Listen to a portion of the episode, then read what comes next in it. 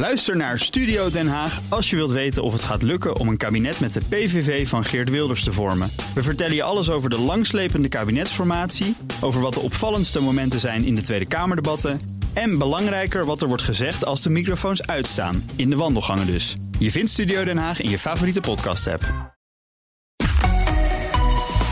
BNR Nieuwsradio. Boekenstein en de Wijk.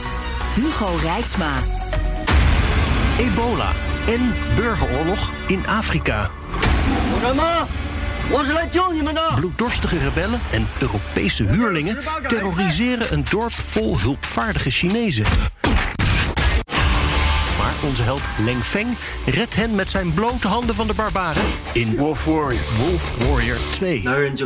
Een van de allerslechtste films ooit. Bij die nationalistische Chinese kaskraker worden de Wolf Warrior diplomaten genoemd, die nu China's verhaal verkopen in Corona, de propagandaoorlog. Binnenkort op uw scherm. Welkom bij Boekenstein en de Wijk, op zoek naar de nieuwe wereldorde met uw actiehelden, Arendtje Boekenstein en Rob de Wijk. Onze gast is Henk Schulte-Noordholt, sinoloog en auteur van China en de Barbaren. Die barbaren die in Wolf Warrior dus een koekje van eigen deeg krijgen. Welkom. Dankjewel. Had jij hem al gezien, uh, Wolf Warrior 2?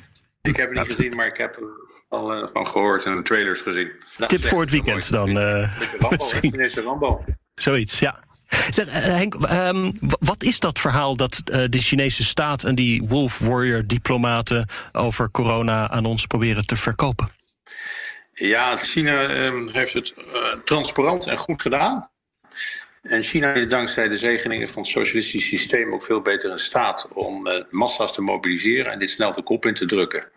Ja. Dus na de aanvankelijke chaos in Wuhan, die er ontstond met de uitbraak van het virus, eind december of eerder, wie zal het zeggen, heeft Peking die propagandateugel strak in handen genomen.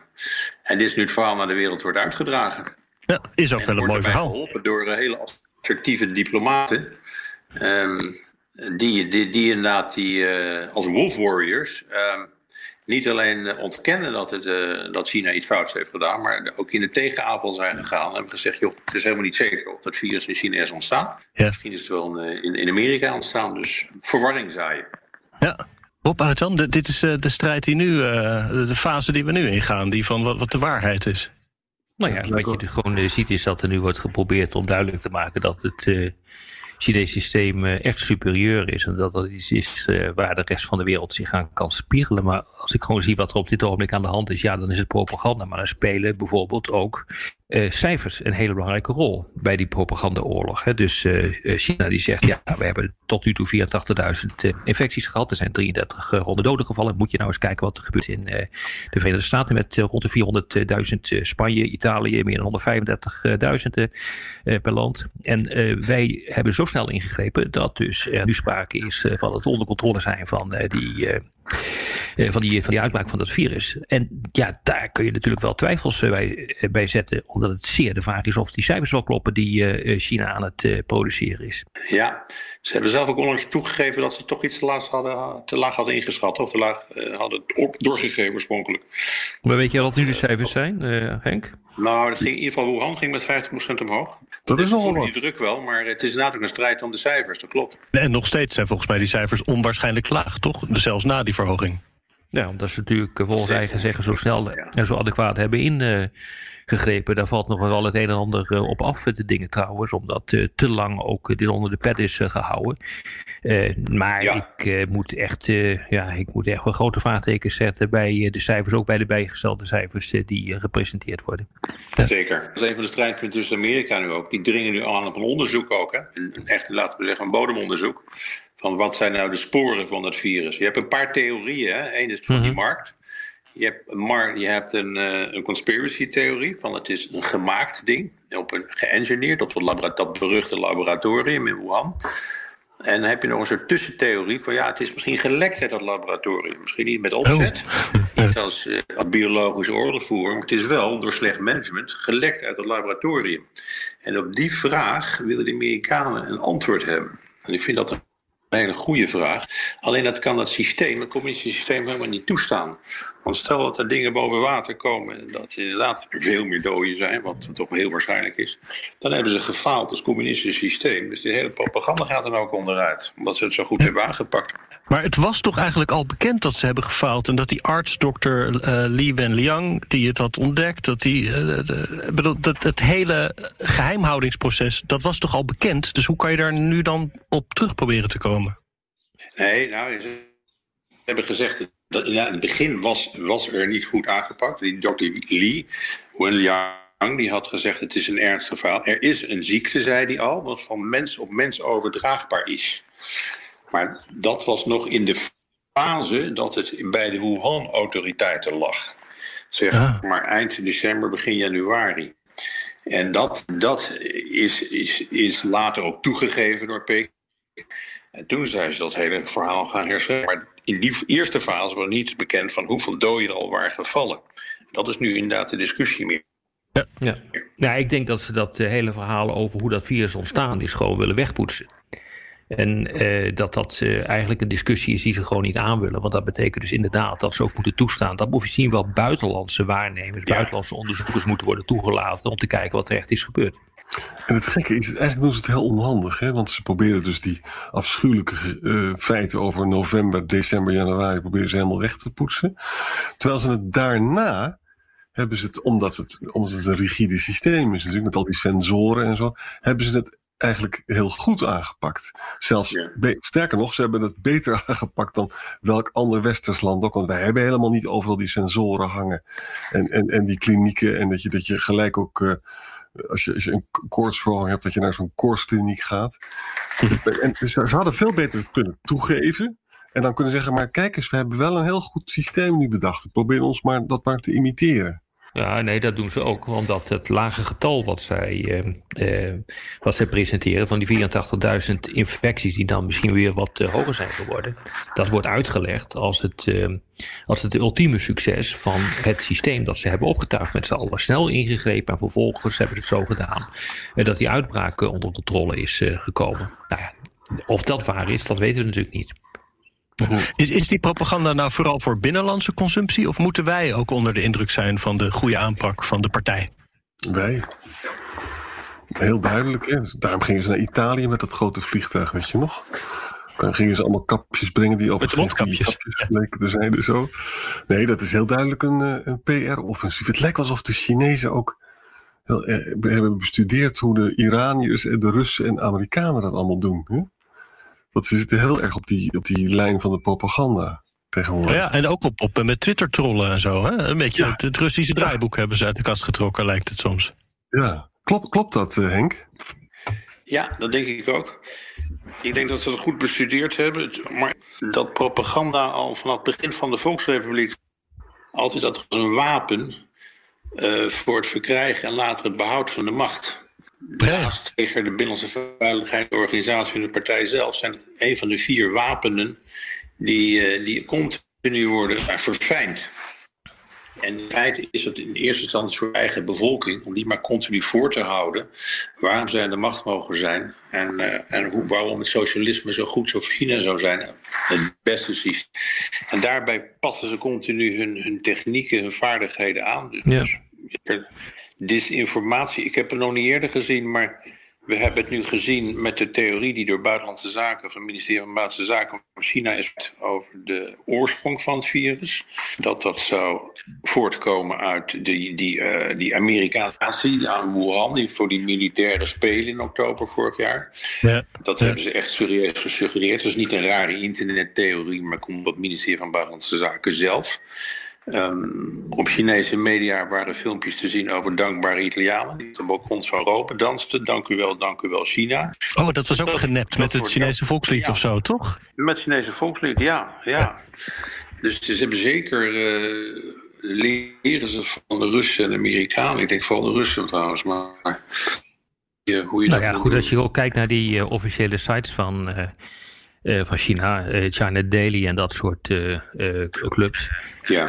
en je kijkt dan wat daar voor ehm, opiniepagina's over worden geschreven. Dat is tamelijk indrukwekkend hoor. Dat, wat mij opvalt is dat het allemaal dezelfde boodschap uitdraagt. het Westen is fout, China is fantastisch. Ja. Wat we ook weten is dat er eigenlijk al een hele tijd trollen bezig zijn om de communistische partij. Ehm, het... Um, ja, eigenlijk op te hemelen. Uh, is dat ook niet dat 50 ja, uh, cent leger, uh, Henk? dat zijn die groep mensen die wordt ingehuurd door de communistische partij om allemaal leuke dingen over de partij te zeggen, onder andere op, op Twitter. En daarvoor krijgen ze volgens mij ook 50 cent per, per ja, actie. Ja, dat is in, ja, dat is in 2004 is dat volgens mij opgericht. Wow. En dat zijn, dat zijn wel bijzondere dingen hoor, die, die aan de hand zijn. Dus het, ze hebben al wel ervaring hoor op dat gebied. En ik las ook een stuk dat vanuit de Franse ambassade, de, de, de Chinese ambassade in Parijs, ja. dat er ook gewoon heel bewust allemaal propaganda wordt bedreven. Dat, heeft natuurlijk ook, dat kan ook als een boemerang werken. Hè? Dat ben ik met je eens, Arend Jan. Want uh, ze hebben ook gezegd, ze hebben ook de, de, de deplorabele toestanden van de Franse bejaardentehuizen zeg maar, in de kaart gesteld. Dat oh, ja. China veel beter doen. En toen is die Chinese ambassadeur daar in Parijs is op het matje geroepen van dat, dat hij veel te ver is gegaan. Um, dat klopt. Ik heb wel de indruk, dat vind ik ook interessant, dat je hebt oudere diplomaten in China, uh, Chinese buitenlandse dienst, zoals meneer Tsui, Amerikaanse ambassadeur, of de Chinese ambassadeur in Washington. Die heeft openlijk gezegd in een interview met een Amerikaans blad, ik weet niet even niet welk, maar dat het uh, fake, news was, dat het onzin was, die theorieën, dat het in Amerika ontstaan zou zijn. Ja, dat klopt. Op zich interessant dat er vanuit dat gesloten systeem verschillende boodschappen komen. Dus het zijn misschien jonge diplomaten die een beetje te hard lopen nu. En dan weer door de ouderen worden teruggevlogen. De Wolf Warrior diplomatie is dus nogal van dik hout zaagt men planken. Maar werkt het ook goed als dan dus uh, er zo veel irritaties van komen, bijvoorbeeld in, in Europese hoofdsteden? Volgens mij niet. Volgens mij niet. Ik denk um, dat het uh, zo'n ronkend verhaal ten eerste, dat valt niet zo goed in Europa van van, uh, van wij hebben het beter op orde, ons systeem is dus beter. De EU heeft juist gezegd vorig jaar in een document, we zijn een systeemrivaal. Als je dat ja. systeembreed is, dat vinden ze vervelend. Um, het, het, toont ook de afhankelijkheid aan van, Europa, van, van, van goederen uit China met name, maar ook andere landen, voor, voor, voor medische, medische goederen. En dan, ja, dat is een Europese commissaris uh, van waar transparantie. De Belgische mevrouw heeft gezegd van nou, we moeten voor, vanaf, we moeten self-sufficient worden. We moeten ook op dat terrein gaan ontkoppelen. Iets wat al langer gaande was natuurlijk. We kunnen niet afhankelijk van die Chinezen zijn wat dit betreft. Dat is veel te vitaal. Dus ik denk uiteindelijk dat het per saldo. Jij hebt natuurlijk een paar cheerleaders. Hè? Je hebt meneer Oor in, uh, in Hongarije. Je hebt die man in Servië, die president. Die um, overslaat van bewondering voor China. maar dat zijn er niet veel. De meerderheid, ook meneer Salvini in Italië heeft gezegd dat toen China die coronacrisis heeft aangezet, dat een misdaad tegen de menselijkheid is. Dus dat, dat, is, nogal, dat is nogal harde taal. Zou, zou het kunnen dat, dat corona juist het Westen tegen China verenigt, eindelijk? Ik denk het, ja. Vind je dat dat best zou kunnen? Ja. Als we nou even doordenken dat meneer Biden wordt gekozen. En meneer Biden heeft net gezegd. Je bent veel te slap voor China geweest. Je prijst Xi de hele tijd. Xi Jinping is toch his bestest greatest friend? Dat ja. roept hij iedere keer. Ook om die handelsdeal te redden natuurlijk. Voor zover het nog te redden valt. Maar hij zegt, jij bent degene die soft is op China. En wij moeten nee, veel kijk, duidelijke stelling nemen. Het is inderdaad interessant dat China doet wat verwacht werd. Dus er was voorspeld dat China van deze crisis uh, gebruik zou maken om zijn positie te verstevigen. Dat wordt ook gedaan. Kijk wat er gebeurd is in Hongkong. Uh, de afgelopen uh, dagen. Er zijn mensen uit de Ja, wat was daar aan de hand? in de bak gegooid. Kijk wat er gedaan is in de Zuid-Chinese Zee. daar is een, laten we zeggen, zijn nieuwe districten in het leven geroepen die gekoppeld zijn aan een stad in, het, in het zuiden. En uh, daar vallen nu hele delen van de Zuid-Chinese Zee uh, uh, onder. de Filipijnen zijn niet echt geamuseerd. Die hebben al een klacht ingediend tegen wat hun grote vriend is, China. Om te zeggen, ja, dit accepteren we niet. Ehm, dus je ziet dat China nu een aantal stappen neemt in combinatie met uh, een propagandaoorlog die echt heel erg verkeerd aan het vallen zijn. Ja. Met, met andere woorden, wat je dus hier ziet, is dus een China die zich gedraagt zoals voorspeld werd.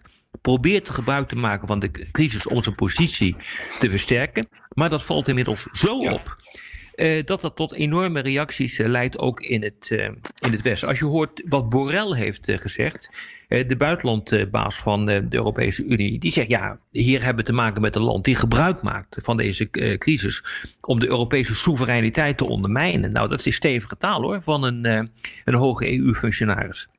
Ja. Zouden de Chinezen dit nu ook durven? Omdat ze een, de, de, de percipiëren dat Trump wel heel erg veel steken laat vallen bij de bestrijding van dit virus.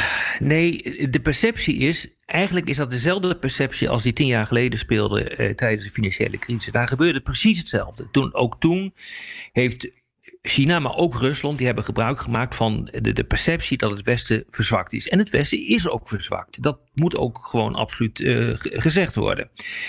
Uh, dus dat is in wezen hetzelfde. Alleen ze doen het nu zo opzichtig uh, Dat men nu zegt van ja hoor eens, uh, dit willen we niet meer. En met name wat er gebeurt op dit ogenblik in Hongkong en de Zuid-Chinese Zee. Dat heeft er ook toe geleid. En zo zwak is uh, Trump ook niet meer. Dat hij direct twee oorlogsschepen het gebied in heeft gestuurd. Dus wat daar nu gaande is, al onttrekt zich natuurlijk helemaal uit het zicht, aan het zicht van, de, van, van de traditionele media, om het maar zo te zeggen. Je moet echt goed zoeken wat daar aan de hand is. Maar het onttrekt zich aan het zicht. Maar het gebeurt wel en de reacties van Amerika zijn er ook naar. En ik denk ook dat het in Europa doorslaat hoor. Dat het ook averechts werkt in Europa. Van, je ja. gebruik maken van de coronacrisis in, in de wereld. Dan toch doorpakken met die, met die strategische doelen. Zoals China tenminste ziet, hè, dat Hongkong om van stuur krijgen. Die AMI-discussie uh, uh, uitwissen daar. De Zuid-Chinese zee inderdaad, administratief geherschikt, zoals eh, Rob net zei. Dat zijn lange termijn doelstellingen die ze nu volgens klassiek Chinese uh, ja, oorlogstactieken, de peri tijdelijke periode van de zwakte, proberen door te pakken. Maar het werkt uiteindelijk averechts. Want wat willen ze met Europa? Ze willen, Amerika, ze willen Europa loswerken van Amerika. En met Trump hebben ze natuurlijk heel veel kansen. Ja. Uh, maar ze gaan te ver daarin aan de propaganda in Europa. En B door die acties die toch ook door Europa zelf werden veroordeeld. Van ja, we laten die ons niet voor, eh, voor, voor jullie karretjes spannen. Dat is nu wat, wat irritant volgens mij in Europa ook is. Dus het omgekeerde effect zou wel kunnen plaatsvinden. Dat Europa zich sterker verenigd voelt. Um, en dat, wat ik net zei, dat is natuurlijk niemand weet wat er gebeurt. Maar als, als er een democratische kandidaat komt die net zoals Obama meer denkt in termen van hoe kan ik met bondgenoten en samenwerkingsverbanden dat gebeurt. Uh, die, die, die Chinese opkomst indammen en niet alleen America first, dan, dan heb je een positie die Amerika, die de Chinezen erg vrezen, namelijk een verenigd front, zoals zij het zien, tussen Amerika en Europa. En dan staan ze toch zwakker. En dat willen ze voorkomen. Hun acties gewoon stenen op hun eigen voeten. Dat is heel interessant. BNR Nieuwsradio. Boekenstein en de Wijk. Op zoek naar de nieuwe wereldorde. Dit is Boekenstein en de Wijk. En dat programma is natuurlijk niet zonder Arend-Jan Boekenstein en Rob de Wijk. Mijn naam is Hugo Reitsma en onze gast is sinoloog Henk Schulte-Noordholt. De coronacrisis zal natuurlijk gigantische invloed hebben op alles wat daarna komt. Alleen is het gek eigenlijk dat we niet weten wat dat dan is, die invloed. Geopolitiek zal het ongetwijfeld effecten hebben. En dat heeft te maken wie eigenlijk als winnaar uit die crisis boven komt drijven. Met andere woorden, wie doet dit het beste? Dit is precies het narratief van China, die zegt van wij doen dit het beste. Maar dat moet allemaal nog wel bewezen worden. Want uh, China die kan er wel goed uitkomen. Maar als ze vervolgens hun spullen niet kunnen exporteren naar Europa en Amerika. Ja, dan gaan ze nog uh, ten onder, bij wijze van spreken. dus het, het, is gewoon veel te vroeg om dat, uh, om dat te kunnen zeggen. Wie, wie heeft straks de zaken het beste onder controle? Wie is in staat om het snelste terug te gaan naar normaal? En wie kan ja, feitelijk zijn economie zo snel mogelijk aan de praat te krijgen. En dat, dat ligt wel in belangrijke mate ja, ook aan, het, aan, aan de oplossingen die je kiest. Maar daar valt op dit ogenblik nog steeds niks over te zeggen wie die race gaat winnen. Ja. Ja, wat ik lees is dat de Chinese economie is zeer afhankelijk van de export. En dus van een, van een terugval van de vraag vanuit het Westen is voor China is daar zeer kwetsbaar voor. Dat geldt natuurlijk voor Amerika en Europa zelf ook. Maar in China geldt het uh, a fortiori, lees ik overal. Dus dat betekent dat ze economisch nu echt hele serieuze klappen krijgen. Ze krijgen klappen. De werkeloosheid neemt enorm toe in China ja. ook. En dat is natuurlijk heel gevaarlijk voor de communistische partij. Mhm. Want waarom wilden ze altijd 8 en later iets minder, 6% blijven groeien per jaar om die enorme bevolking aan het werk te kwijt. houden? En te zorgen dat er geen instabiliteit zou ontstaan. China heeft die groei nodig om ervoor te zorgen dat dat sociale contract tussen uh, de leiders in, laten we zeggen, de verboden stad en, in het, uh, en de mensen in het land in stand blijft. Dus met andere woorden, ja. uh, ze moeten leveren, ze moeten welvaart leveren. Gebeurt dat niet, dan zou die hele boel kunnen imploderen. Hoe groot acht jij de kans, uh, Henk, dat dat implodeert? Moet ik te zeggen, de economische groei is inderdaad uh, de basis van de legitimiteit voor de partij. 60% of 70% van de economie van China is in privé of semi-privé handen. En die mensen zijn vaak niet goed verzekerd tegen werk, werkeloosheid. Dus er zijn nu enorm veel acties, ook van de hogerhand in China, naar de, naar de banken toe. Van zet nou eindelijk die loket eens open voor het privébedrijfsleven en niet alleen voor die staatsbedrijven. Want die komen altijd wel aan geld, dat die niet kopje ondergaan. Ja, dat wat ik trouwens ook heb gezien, dat is Henk. belangrijk. Dus die, en, maar ik haak ook even in op het punt van Arend Jan. Inderdaad, die export is heel belangrijk, maar relatief minder dan vroeger. De binnenlandse markt is belangrijker geworden. Maar het buitenland blijft wel heel belangrijk om de technologie te kunnen blijven verkopen. En dan praat je in Europa natuurlijk vooral over die aanleg van die 5G-netwerken. Maar überhaupt ook de grote, enorme hoeveelheid Chinese investeringen hier. En dat willen ze veiligstellen. En dat is ook een van de, die mensen die waarom ze Europa zo belangrijk blijven vinden. Er moet een handelsakkoord komen. En eh, daar sputtert de EU nogal tegen, want ze willen dat niet op Chinese voorwaarden doen natuurlijk. En er is veel tegenwind voor Huawei in Europa, gezien deze ontwikkelingen. Van Daarom komt Huawei nu met allemaal mondkapjes aanzetten, toch? ja, als relatiegeschenk, maar dat was nog een beetje doorzichtig al. Dus dat, is, ja, dat zijn de twee grote strategische doeleinden, denk ik. Dat die vijf aandacht van die 5G-netwerken. Als Europa had zich toch redelijk onafhankelijk opgesteld van de Amerikanen. Um, en, maar daar dreigt nu weer uh, roet in het eten gegooid te worden door deze ontwikkeling, hoe China zich opstelt. Dus ik moet het nog zien. En dat handelsakkoord, of ze dat gaat lukken, dat denk ik ook niet. Dan kunnen we zeggen dat dus, we weten al dat, dat de coronacrisis enorme ook geopolitieke gevolgen zal hebben. We weten alleen ja. nog niet welke. Nou, ik denk dat China er minder goed uitkomt. Dat het vacuüm wat er nu ontstaat, dat, dat, dat ze dat niet goed weten op te vullen. Door de manier waarop ze propaganda bedrijven. Door dat, en, en, en de gaten waar ze inspringen die, die irritatie wekken. Zoals die Zuid-Chinese Zee en, en Hongkong waar we het over hadden. Dat ze dat gewoon niet goed aanpakken. En dat, ze zijn ontzettend slim en ze zijn heel machtig. Maar ze begrijpen niet goed hoe wij in het Westen reageren op hun, hun initiatieven. En dat het ons juist net als Brexit zeg maar meer zou kunnen verenigen als Europa dan meer uit elkaar kunnen ja, Het interessante is uh, dat je dat ook in uh, Rusland ziet. Hè? Men begrijpt niet hoe een democratie werkt. Je moet ook nee. vaak uitleggen, ik, dat zal misschien jouw ervaring ook zijn, Henk, aan Chinezen, maar ook aan Russen, dat een democratie heel erg lang uh, kan twijfelen wat ze moeten doen. En er is geen consensus mogelijk. Dat, uh, dat interpreteren zij als zwakte. Maar op ja. het moment dat er een uitdaging is waarvan iedereen zegt van ja, maar dit pikken we niet meer. Of hier moet echt wat gedaan worden. Dan moet je eens kijken wat er gebeurt in de democratie. Dan zijn de reacties vaak nog veel sterker. En men gaat nog ja. veel meer achter een leider staan, vrijwillig overigens. Ja. En dat is, de, dat is de crux, dan in een autocratie. Ik, ik hoorde een prachtig interview met Francis Fukuyama, bekend van het einde van de geschiedenis. Ja. Maar die, die heeft laatst ook uit over deze crisis en hij zei... Het de vermogen van een overheid is niet zo, om dit aan te pakken is niet zozeer of je democratisch bent of, uh, of dictatoriaal. Je zou zeggen, dictatoriaal werkt beter, maar hij zegt nee, want het gaat erom of de bevolking vertrouwen heeft in wat de leiders doen. Exact. Dan kunnen ze zich in een democratie, dat zien we wel, de populariteit van die leiders zien we omhoog schieten. Rutte, Macron en bijna allemaal. Ja, Trump dan uh, wat minder, maar dat is een uitzondering. Maar de vrijwilligheid en, om je te scharen achter je leiders en het vertrouwen dat ze het goede doen, dat is in een democratie, dat, dat werkt sneller en anders. Inderdaad, in China zie je dat ook niet. Er is een groot wantrouwen tegen de, tegen de eigen leiders. Democratie is, net als het maken van een goede actiefilm, ingewikkeld. Voor de radio moeten we afsluiten, maar op de podcast gaan we door met luisteraarsvragen. Luistert u op de radio, dan verwijs ik naar Apple Podcasts, Spotify of bnr.nl. Ook vragen stellen of reageren kan op Twitter, BNR De Wereld. En Arthur Hogeveen eh, vraagt: zijn we met een open democratie met veel publieke discussie niet op korte termijn op achterstand, maar op lange termijn wint de waarheid, toch? Ja, dat is ook goed. Maar het heeft dus weinig met de waarheid uh, te maken. Het heeft gewoon te maken met hoe vertrouw je je leiders. En uh, uiteindelijk kiezen wij onze leiders. En is dat in autocratieën een stuk minder het geval. daar heb je wel verkiezingen, maar het zijn vaak fake verkiezingen. Ja, autocratie hebben het probleem van de opvolging altijd. Hè? Wie wordt de opvolger? In de democratie heb je daar een procedure voor.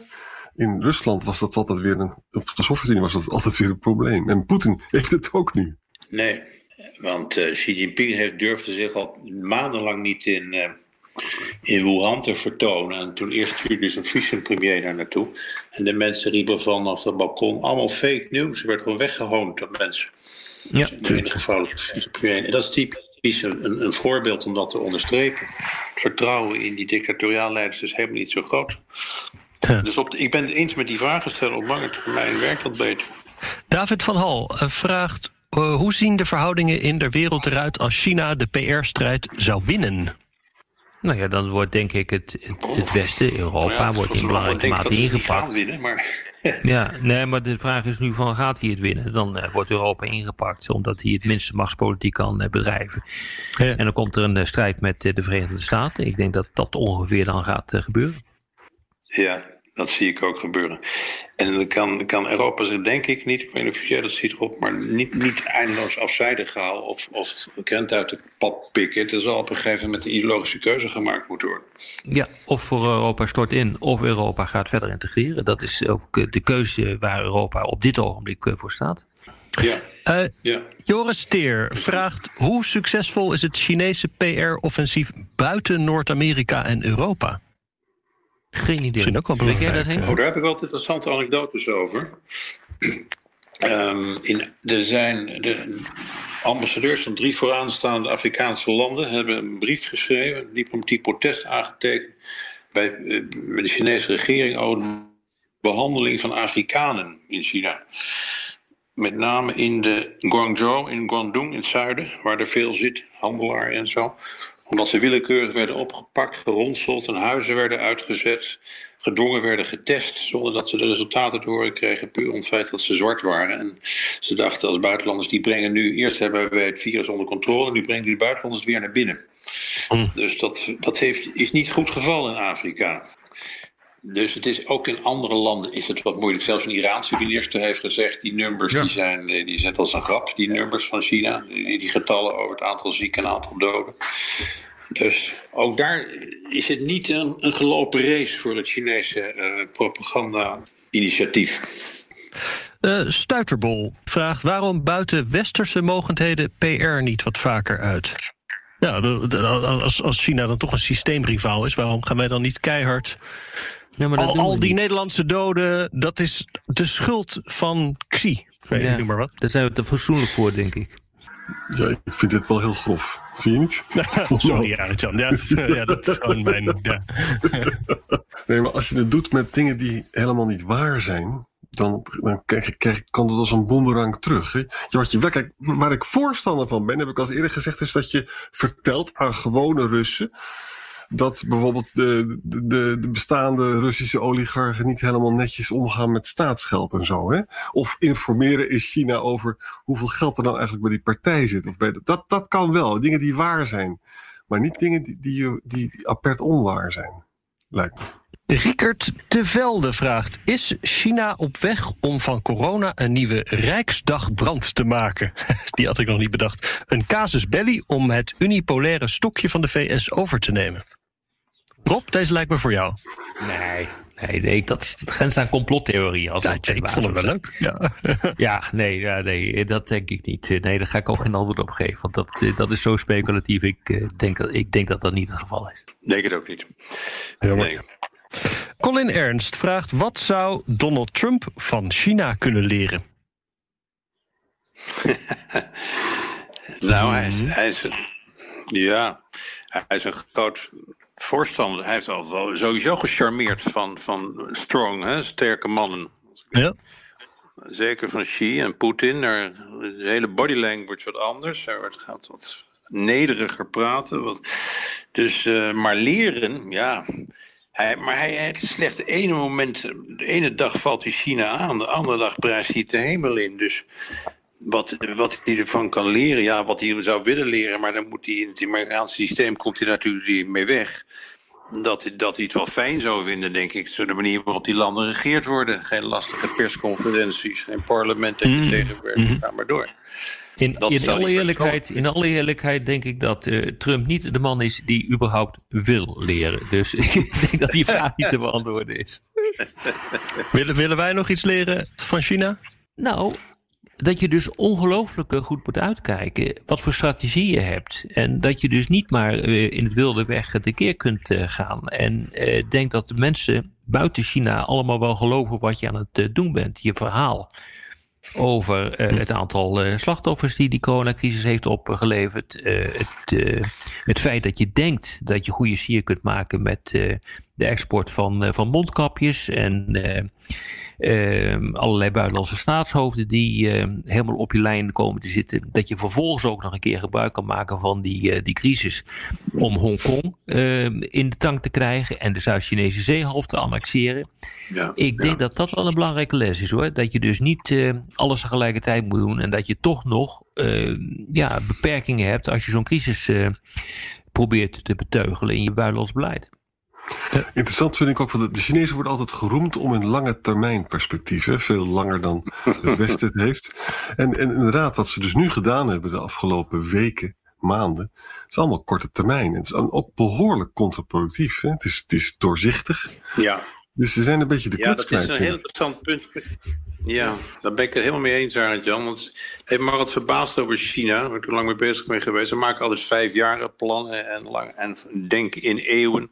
Ja. Dat is een beetje het cliché, maar tegelijkertijd heb je een heel mooi Chinees spreekwoord. Dat luidt van de, de rivier oversteken door de stenen te voelen. Dat wil zeggen, je gaat eigenlijk, je, je, lanceert iets en dan, dat is vaak ook experimenteel van karakter. En dan kijk je wat de reacties zijn en dan ga je weer door. Dat gezegd hebbende, denk ik dat China dat dat wordt niet helemaal begrepen. Dat onder, onder dat, communisme, waar we natuurlijk al sinds 1949 in China mee waar ze mee zitten. Dat meneer Xi heeft een afslag genomen die veel meer confronterend is met het ten opzichte van het Westen dan die was. Ja. Dat is deels omdat ze veel meer macht hebben, maar het is deels ook ideologie van onze tijd is gekomen. En we gaan die, dat, die Sinitische wereldorde of dat tribuutstelsel 2.0, hoe je het wil noemen, dat, is, dat moment is nu aangebroken. Ja. En het is niet een voorfase voor een democratie. Dat was onder de vorige president nog een beetje het verhaal. geef ons nou tijd voor die economische sociale onderbouw. Dan kunnen we politiek ook gaan hervormen. Dat verhaal is verdwenen. En dat, dit is nu de verfijning van de eenpartijstaat en, en het groot worden en het groot maken van China als, als wat het ooit was. En dat wordt, denk ik, strategisch nog niet helemaal goed ingeschat in, in vele westerse kringen. Maar daar zouden we veel meer alert op moeten zijn. Hmm. Die afslag die binnen China genomen is. Dit was weer Boekenstein naar de Wijk. Namens Arjan Boekenstein en Rob de Wijk zeg ik dank voor het luisteren. Speciale dank aan Henk Schulte-Noordholt en tot volgende week.